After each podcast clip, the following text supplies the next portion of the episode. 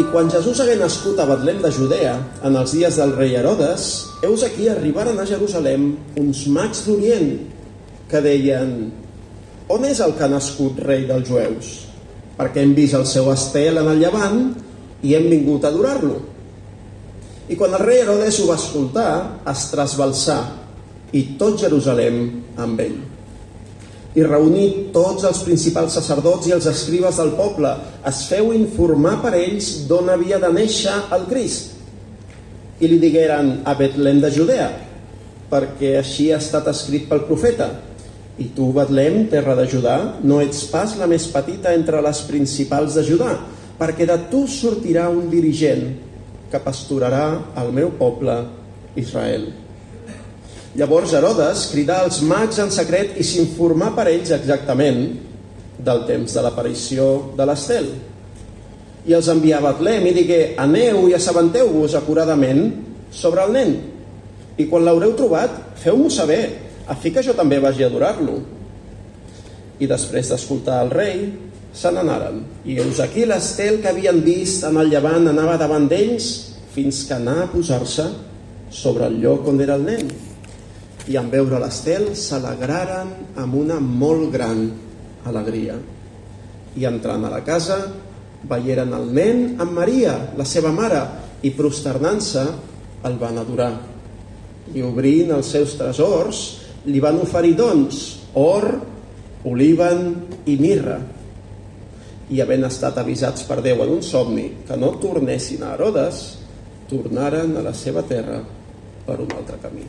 Amén. Això diu la paraula del Senyor. Hola i benvingut al podcast de Ciutat Nova, una església protestant al barri 22 arroba de Barcelona.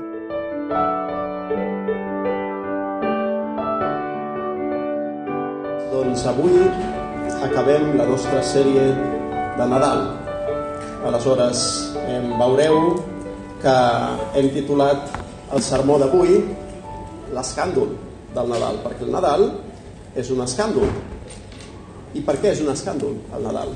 Eh, hem estat eh, veient les últimes setmanes al llarg de la sèrie que hem titulat Nadal, un missatge de pau per un món en guerra i veiem com el Nadal, el que significa el naixement de Crist, és un moment en el que s'hi barregen diferents coses i fruit del Nadal hi veiem diferents coses que potser no esperàvem.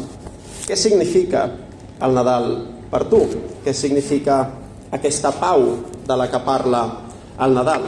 Avui acabem aquesta sèrie i al llarg dels diumenges hem parlat de coses com la profecia que apuntava cap al Nadal, hem parlat d'aquella cosa tan estranya que era la genealogia, oi?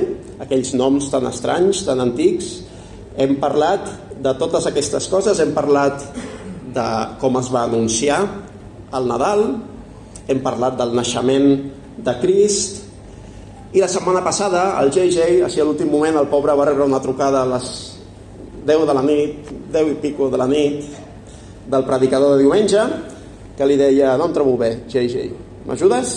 Pots predicar demà? I ja que estàs, pots presidir també, demà?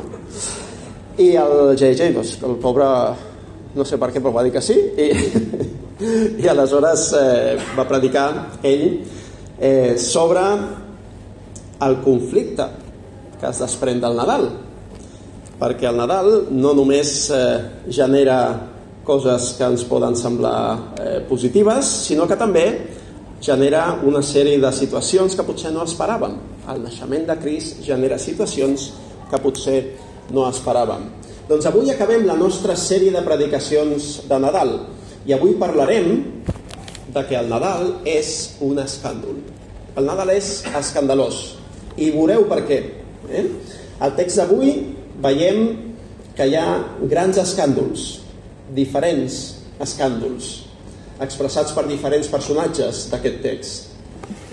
Jesucrist, el Nadal, la vinguda al món del fill de Déu oferint la seva pau a un món que està en guerra des de la rebel·lió dels primers éssers humans és un escàndol. Molta gent diu que la visita dels savis que ens explica l'Evangeli de Mateu és un simple invent per donar importància al naixement d'aquell nen, de Jesús, de Crist. Però si coneixes mínimament l'Evangeli de Mateu, veuràs que aquesta idea no s'aguanta. Mateu és un evangeli escrit per a una audiència de jueus, per a una audiència jueva. Llavors, que utilitzis la profecia, com fa Mateu, està molt bé. Que utilitzis la genealogia, com fa Mateu, està molt bé.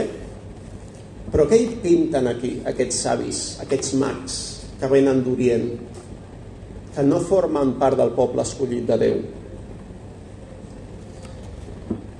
El Messias ve al món i són uns pagans, uns gentils, aquells que no formen part del poble escollit de Déu, els que el reben, els que li fan ofrenes, els que li fan regals. Aquests pagans desconeguts fan el que els savis del poble escollit de Déu no van fer. Rebre el Messias com aquest es mereixia. A l'Evangeli de Mateu, escrit per a una audiència jueva, els primers en adorar el Messias no són jueus, sinó que són gentils. La Bíblia és un llibre que trenca els esquemes humans de la religió. Tingues això en compte quan llegeixis la Bíblia. El text d'avui veurem com el Nadal va originar grans escàndols que ens continuen parlant avui. Buscarem aquest escàndol en els tres protagonistes dels, del text d'avui, o en tres dels protagonistes. Buscarem escàndol en Herodes, buscarem escàndol en els líders religiosos del poble escollit de Déu i buscarem on és l'escàndol dels savis, dels mags d'Orient. Buscarem l'escàndol en cada cas i veurem com aquest escàndol, aquests diferents escàndols, ens continuen parlant avui a tu i a mi. Comencem, doncs, pel primer d'aquests eh, personatges. Veurem Herodes. Qui era Herodes? D'Herodes se'n mencionen uns quants no? en, el, en el Nou Testament, però l'Herodes del que ens parla el text d'avui era conegut com Herodes el Gran. Oi? Herodes el Gran, el rei dels jueus. Però en realitat aquest Herodes ni era jueu ni hauria d'haver estat rei dels jueus. Era algú que no era de la tribu de Judà, ni de la casa de David, i que va arribar al tron gràcies a l'ajuda de Roma, de l'imperi que oprimia el poble de Déu en aquell moment. No era el rei escollit pels jueus, sinó el rei imposat per Roma, pel Cèsar. En realitat no era jueu, era un idomeu, un edomita, podríem dir, no? Tècnicament és un dels enemics històrics d'Israel. I el tenim aquí fent de rei. Herodes el Gran va fer grans coses positives a nivell polític, era un bon polític, però alhora va governar a través del terror i de l'assassinat. Era un gran paranoic, per no dir, entre nosaltres, que estava boig. Se sap que a aquest rei no li agradava la competència. En general, als reis la competència no els agrada, oi? I no li agradava la competència ni que la competència fos familiar, tampoc, eh? Perquè Herodes, sabem que va matar la seva dona i alguns dels seus fills. Poca broma amb el personatge, oi? I tenint en compte com és aquest Herodes, el gran, arriben a Jerusalem unes persones, uns savis d'Orient, que amb una certa innocència cerquen i van preguntant a Jerusalem on és el rei dels jueus que acaba de néixer? On és aquest que ha nascut rei dels jueus? És a dir, on és aquest que des del ben naixement, des del bon naixement ja és rei dels jueus, que acaba de néixer? No ens ha d'estranyar el que diu el text. Eh? Quan el rei Herodes ho va escoltar, diu el text, es trasbalsa. I tot Jerusalem amb ell.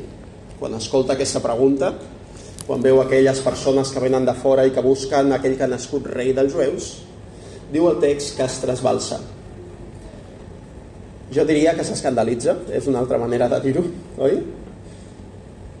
S'escandalitza i tot Jerusalem amb ell. Hauríem bueno, alguns pagarien per veure les cares de les persones de Jerusalem, per veure la cara d'Herodes, la reacció d'Herodes a aquells savis, aquells mags desconeguts que venien amb aquella pregunta. Herodes és el rei dels jueus. De quin rei dels jueus en parles? Que acaba de néixer.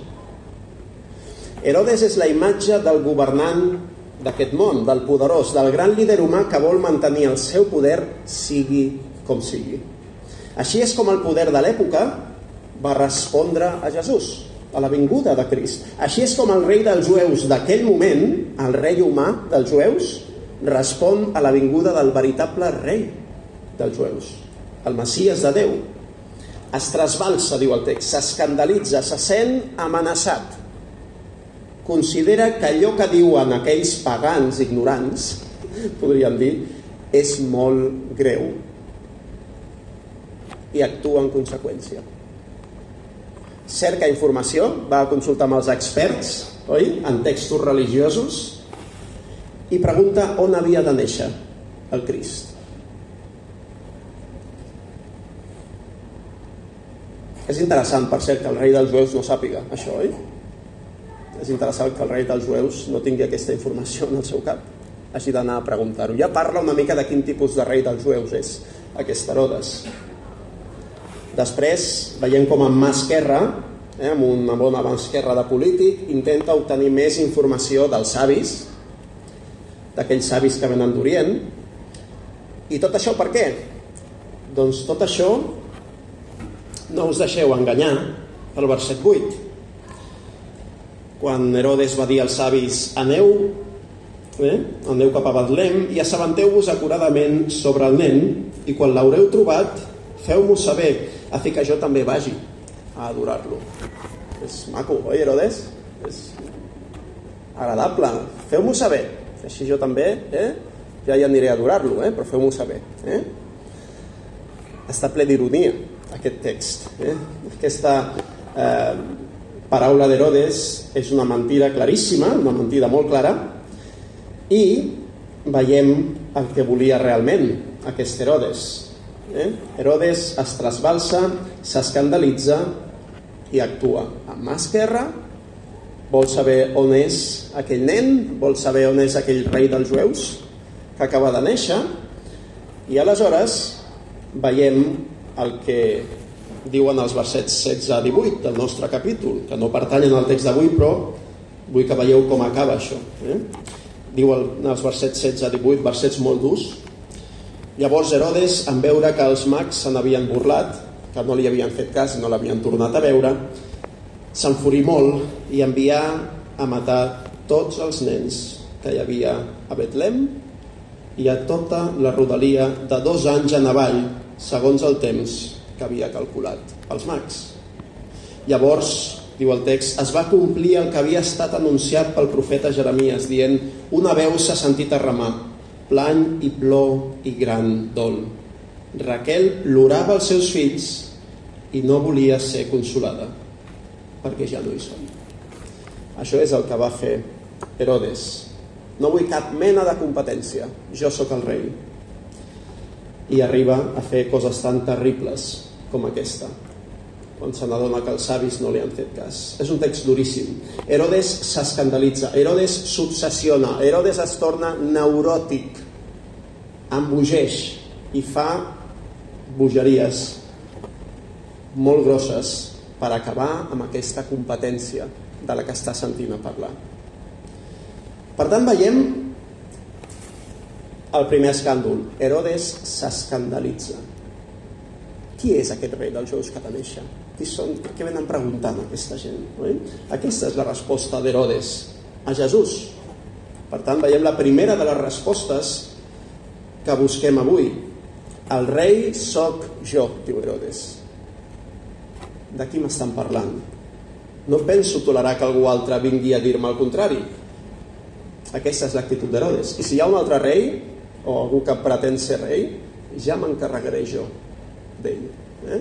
Digueu-me on és, que ja me n'encarregaré jo. I d'alguna manera aquí tenim una resposta a Jesús que amb una certa distància avui també trobem i és molt comú a la nostra cultura. Vivim en una cultura que en principi no és religiosa, que és secular, però la veritat és que l'egolatria, l'egocentrisme, el culte a un mateix s'ha convertit en la religió majoritària de les nostres cultures occidentals. L'adoració a un mateix és la religió de la majoria de persones de la nostra societat avui, de la nostra ciutat avui. Ens adorem a nosaltres mateixos, ens servim a nosaltres mateixos i vivim d'aquesta manera per glorificar-nos a nosaltres mateixos. I tot allò que impedeixi que nosaltres siguem el rei, que nosaltres siguem el primer, que nosaltres siguem el més important, s'ha de fer fora, ha de desaparèixer. Oi? Per tant, d'alguna manera aquesta era l'actitud d'Herodes. La vinguda de Jesús al Nadal et diu una cosa que potser et sona escandalosa. Et diu que el rei no ets tu. Tu no ets el rei. Hi ha un altre rei. Hi ha algú altre que és el rei. I al Nadal et pregunta si estàs disposat a acceptar això. L'Evangeli pregunta si estàs disposat, disposada a acceptar això avui. La bona notícia de l'Evangeli és que el veritable rei del món, de tot l'univers, no és un rei com Herodes. Això de tenir un rei no ens agrada, potser, oi? La bona notícia de l'Evangeli és que el veritable rei del món i de tot l'univers no és com Herodes, sinó que és Jesús. Ell és un rei bo que dona la seva vida pels que s'han rebel·lat contra ell. I això és el que ha vingut a fer aquest món. Per tant, veiem el primer escàndol. Herodes s'escandalitza i veiem la primera resposta a Jesús del text d'avui. Segona resposta, segon escàndol, els líders religiosos d'Israel, el poble escollit de Déu. Al text avui hi apareixen uns altres personatges, més enllà d'Herodes, que són molt importants.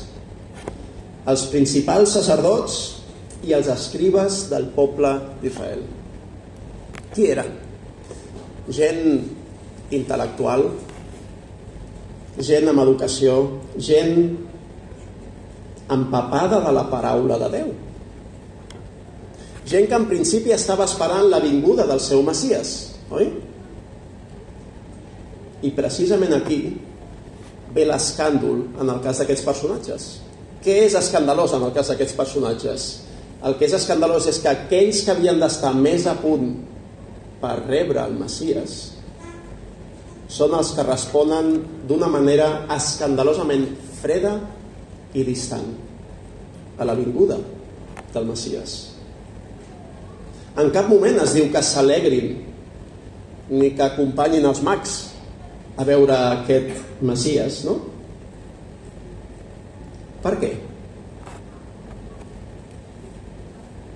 Potser quan van escoltar el que deien aquells mags o savis pagans, gentils, van dir, sí, home, aquests gentils ens diran a nosaltres on ha de néixer el nostre Messies. Aquests pagans ens han de venir a dir on és el nostre Messies? Home, va, què sabran aquests? Oi?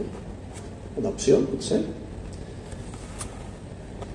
Ens esperaríem una altra actitud, una altra resposta per part dels líders religiosos no? d'Israel, el poble escollit de Déu. Si més no, tingues en compte això que diuen aquests savis, per molt gentils o per molt pagans que siguin. Home, escolta-ho, no? I, i, i si més no, analitza-ho. Gent empapada de la Bíblia, gent empapada de religió, gent empapada de les tradicions del poble escollit de Déu. Doncs aquesta gent, aquí està l'escàndol, menysprea la vinguda del Messies. Menysprea la salvació de Déu. L'escàndol dels líders religiosos del poble escollit de Déu és la seva indiferència. La seva, fins i tot, més que indiferència, és un punt d'apatia. Oi? És aquest menyspreu cap a la vinguda del Messies. Per tant, veiem que aquest és l'escàndol en el cas d'aquests altres personatges que apareixen. Apatia, menyspreu, indiferència. els líders religiosos d'Israel, el poble escollit de Déu. Què et diu això a tu? Què em diu això a mi? Persones que assistim a l'Església, persones que creiem en Crist, en el Messies. Tingues en compte això quan sentis a parlar del poble escollit de Déu. Perquè no hi ha llibre més crític amb el poble escollit de Déu que la Bíblia. I veiem en un text bíblic com aquests que aquells que han de respondre bé responen fatal. I més endavant veurem que aquells que no tenen per què respondre bé són els que són posats com a exemple de com s'ha de respondre a la vinguda del Messies. Religiosos amb apatia. No sé tu com vas d'apatia, com vas de motivació espiritual com a cristià, però és molt fàcil que caiem en l'apatia. Ja ho sabem tot, ja ho hem sentit tot. No hi ha sermó que ens pugui dir res nou, oi? Quan portem uns anys ja, com a cristians. Déu continua parlant avui, Déu continua obrant avui. I Déu continua transmetent el seu missatge avui. Com ens acostem nosaltres a la revelació de Déu, que és la seva paraula? És bo que ens fem aquesta pregunta com a poble de Déu, oi? Els líders religiosos d'Israel responen amb apatia a la venguda del Messies. I per últim veiem aquests savis, aquests mags d'Orient. No sabem gaire cosa d'aquests mags, d'aquests savis d'Orient. En cap lloc es diu que fossin reis ni que fossin tres. Segurament provenien de Pèrsia, d'Aràbia o de Babilònia, això no ho sabem clarament. Segurament eren especialistes en astrologia, que podríem dir que era l'astronomia d'aquella època, especialistes en somnis, en analitzar somnis, en interpretar somnis, potser eren consellers reals. Segurament tenien un cert coneixement, aquests savis, de les escriptures sagrades de diferents pobles, entre ells el poble jueu. Perquè savis com ells llegien aquests textos sagrats i estaven interessats en això. Eh? Segurament havien llegit la profecia que es compleix amb l'estel. Eh? Has vist que es parla d'aquest estel. Oi? D'on ve aquesta idea? Té algun antecedent, això? En un moment de l'Antic Testament es parla d'una altra persona que podríem considerar un savi o un mag, que era pagà, que tenia per nom Balaam. No sé si recordes aquesta història, està en ombres. Eh? I concretament al capítol 24, verset 17, aquest Balaam, aquest mag, savi, pagà, diu, un estel sortirà de Jacob, i un sceptre s'alçarà a Israel. Un estel sortirà de Jacob i un sceptre s'alçarà a Israel. Amb aquesta profecia, aquell mag o savi pagà, que era Balaam, el que feia era beneir a Israel, a la nació d'Israel, assenyalant un estel que simbolitzava el rei que rescataria Israel. L'estel complia una profecia messiànica molt coneguda que els savis o mags d'Orient van entendre Llavors, on és aquí l'escàndol? Què ens hauria d'escandalitzar d'aquests savis, d'aquests mags? Doncs l'escàndol està en que gentils, pagans, que no pertanyen al poble escollit de Déu, tinguin aquesta sensibilitat i estiguin oberts a la revelació de Déu tal com ens mostra el text. L'escàndol és la seva bona actitud la seva resposta a la revelació de Déu, una actitud exemplar amb tot el que no saben. Perquè és veritat que saben algunes coses. Reben la revelació de Déu de que el rei dels jueus ha nascut, un rei que en principi no és el seu, detecten el seu estel, el segueixen, no se'ns dona més detall tampoc, eh? d'aquest estel misteriós no en sabem més més enllà de que era un senyal de llum al cel que d'alguna manera Déu va utilitzar per guiar aquests savis fins a Crist. Ells han vist el seu estel i el venen a adorar. No saben ni tan sols el seu nom, segurament. No saben on és exactament, busquen a Jerusalem, oi? On aniries a buscar un rei? A la capital, al lloc important. Al palau del rei, potser. No coneixen Herodes ni segurament el que generaran les seves paraules en Herodes i en la seva gent, aquest escàndol que generaran aquestes paraules. Quan l'Estel assenyala el lloc on hi ha el que ha nascut rei dels jueus, diu el text que s'alegren amb una molt gran alegria. S'alegren i la seva alegria els du a adorar aquell nen, a posar-se de genolls, a oferir-li tots aquells regals tan preciosos. Després són avisats en somni de que no tornessin a Herodes i se'n van per un altre camí. Això també tenia risc per ells, eh? tinguem un compte. Desobeir Herodes. Una mica és allò de que van obeir a Déu abans que els homes, oi? Allò que ens recomana el Nou Testament, allò que ens diu el Nou Testament que van fer els apòstols, el llibre dels fets. Tot i els riscos que això comportava per ells, aquests savis van obeir a Déu abans que el rei. Per tant, aquí l'escàndol el trobem en la resposta d'aquests mags, d'aquests savis. Saben ben poc, però el poc que saben els serveix de molt. Els serveix de més que no pas els líders religiosos del poble escollit de Déu.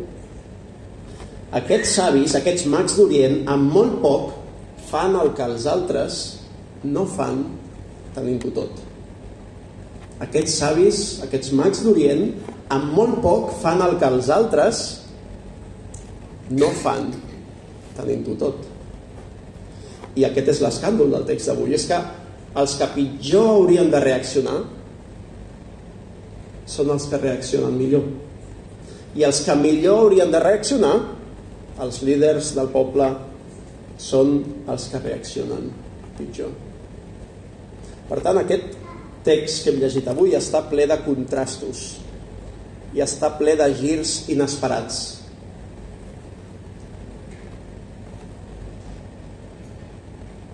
I està ple d'escàndols. Per tant, hem vist tres respostes diferents a la vinguda del Messias al món. I jo el que et preguntaria avui és quina és la resposta d'aquestes tres que hem vist que et representa a tu. Herodes és el rei i vol continuar sent el rei peti qui peti.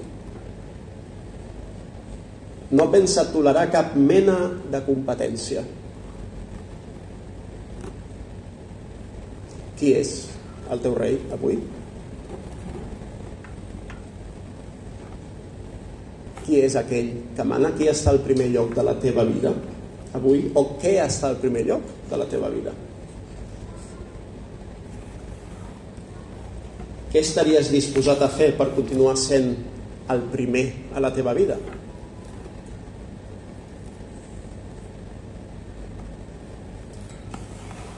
Ets com Herodes o ets potser un cristià apàtic, com els líders religiosos, que estan plens d'un cert orgull, de menyspreu, d'indiferència, d'apatia espiritual, ja ho saben tot, Ets potser com ells? O potser ets com els savis d'Orient, que responen a Déu, que fan camí, que busquen, que troben, que s'alegren, que adoren, que fan obsequis a aquell nen. I només és un nen. Quina humilitat per part d'uns savis, adults, rebre d'aquesta manera aquest nen. Aquests savis d'Orient responen com haurien d'haver respost els membres del poble escollit de Déu. I sabeu cap a què assenyala això? senyala cap al propòsit etern de Déu de fer arribar la seva llum, la seva salvació, l'obra de Crist a tota llengua, tribu i nació. Aquells estrangers, aquells que venen de fora, reben una llum. Una llum que arriba a tot el món. Aquest és el propòsit etern de Déu, per tant, si ets una persona que creu en Jesús, si ets cristià, si portes anys com a cristià, segueix l'exemple d'aquests savis, segueix l'exemple d'aquests estrangers, segueix l'exemple d'aquests novatos en la fe, podríem dir, i fes com ells. Això ens passa, oi? No sé si... Hi ha persones que estan començant en la fe, o fins i tot persones que encara no diries són cristians, però que tenen una actitud que potser tu fa anys que no tens com a cristià. Oi? Persones que estan començant a llegir, persones que estan... o aquella persona que és nova en la fe, oi? I per la que tot és claríssim i tot és senzill en l'escriptura. El Senyor diu això, doncs farem això. Què més necessites saber? Oi? Llegim la Bíblia, eh, veiem el que diu, doncs fem-ho. Suposo que amb els anys vas trobant estratègies, oi? Per ser una mica més... per allunyar-te una mica més d'allò que la Bíblia et diu i no t'interessa escoltar. Doncs d'alguna manera aquests savis són això per nosaltres avui. Si ets un cristià que porta anys seguint a Jesús, si ets un cristià apàtic, estem a començaments d'any i no seré jo qui us parli de propòsits d'any nou, eh? Però és important que si tenim una apatia espiritual, com tenien aquells líders religiosos en aquell moment, fem el que calgui. Posem ordre, fem un calendari, seguim alguna mena de sistema per llegir la paraula, per exemple, per pregar, per aquestes coses que sabem que són necessàries i que necessitem per continuar caminant pels camins del Senyor. Ets responsable de no continuar vivint en l'apatia espiritual. I jo sóc responsable d'això també. Aquí tots estem junts en aquest mateix problema, tots podem caure en això i tots tenim èpoques, tots tenim fases a les nostres vides, això és comprensible. Però no oblidem que la nostra tendència ha de ser la de buscar el Senyor, la de conèixer-lo a través de la seva paraula, la de pregar al Senyor. És important no com una llei que s'ha de fer perquè toca, però és important perquè el Senyor ens ho recomana, el Senyor ens anima a fer-ho. Seguim l'exemple d'aquests savis estrangers, d'aquests savis que venen de l'Orient. I si no ets cristià, també et recomano el seu exemple, l'exemple d'aquests savis, aquesta actitud que ells tenen, aquests passos que ells fan. Segueix aquests savis, imita'ls. Els savis, diu un comentarista, els mags, eh, seran com aquells homes de Nínive que s'aixecaran en el judici i condemnaran aquells que, malgrat el seu privilegi de tenir una llum molt més gran, no van rebre el Messias promès i no s'inclinen davant del seu regnat. Torno a llegir. Els savis, els mags, diu aquest comentarista, seran com els homes de Nínive que s'aixecaran en el judici i condemnaran aquells que, malgrat el seu privilegi d'una llum molt més gran, no van rebre el Messias promès i no s'inclinen davant el seu regnat. El rei ha vingut i aquest és l'escàndol de Nadal. L'escàndol més profund del Nadal és que aquell nen és el rei. Aquell nen és el rei. El veritable escàndol del Nadal és aquest.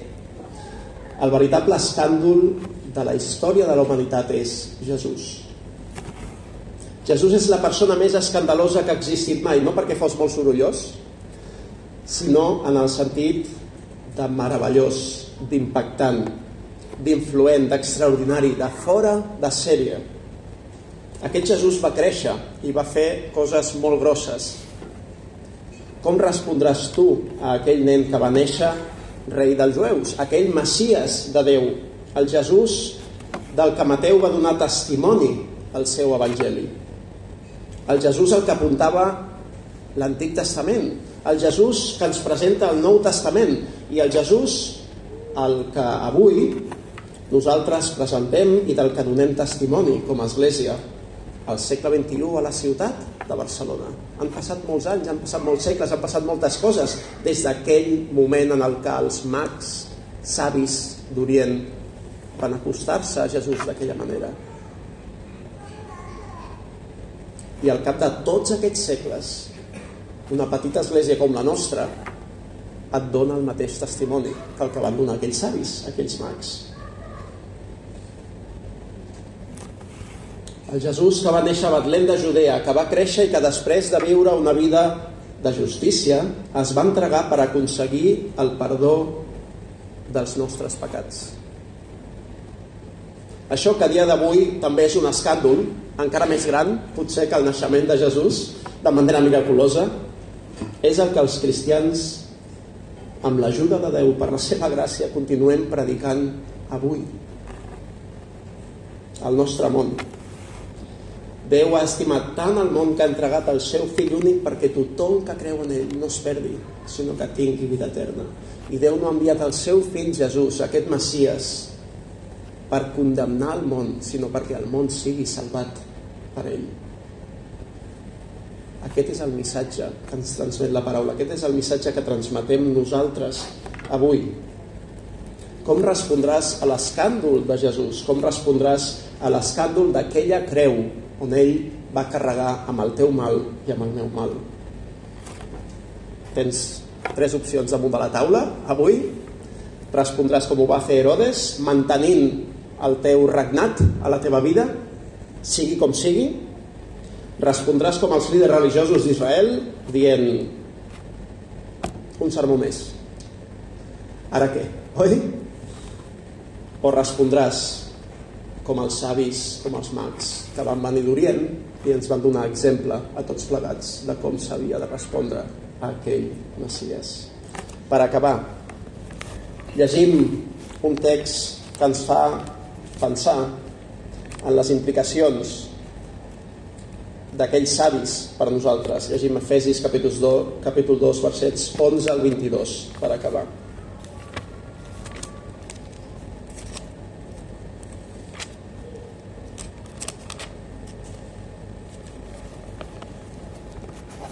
Diu l'apòstol Pau a la carta als Efesis, als Efesis. Per tant, recordeu que abans vosaltres, els gentils en la carn, anomenats incircuncisió, per la que s'anomena circuncisió feta amb la mà en la carn, éreu en aquell temps sense Crist, aliens a la ciutadania d'Israel i estrangers als pactes de la promesa, no tenint esperança i sense Déu en el món. Però ara, en Crist, vosaltres que abans éreu lluny heu estat apropats per la sang del Crist. Perquè ell és la nostra pau, el qui de dos pobles n'ha fet un de sol i el qui ha enderrocat el mur de separació que hi havia entre mig, abolint en la seva carn l'enemistat, la llei dels manaments que consistia en decrets a fi de crear, de crear en ell mateix de tots dos un sol nou home, fent així la pau i a fi de reconciliar-los tots dos amb Déu en un sol cos per mitjà de la creu, matant en ella l'enemistat. I vingué i us anunciar la pau als de lluny i als de prop, perquè per mitjà d'ell tots dos tenim accés en un sol esperit al Pare. Per tant, doncs ja no sou estrangers ni forasters, sinó conciutadans amb els sants i familiars de Déu. Edificats sobre el fonament dels apòstols i profetes, és Sant Jesucrist mateix la pedra angular. En ell tot l'edifici coordinat harmoniosament va creixent per esdevenir un temple sant en el Senyor. En ell també vosaltres hi sou juntament edificats per ser habitació de Déu per l'Esperit. Amén, que el Senyor beneix la seva paraula. Gràcies per escoltar aquesta predicació. Si tens preguntes respecte al seu contingut o vols tenir una conversa sobre l'Evangeli, no dubtis en contactar-nos. Escriu-nos o visita'ns a www.cn22.org.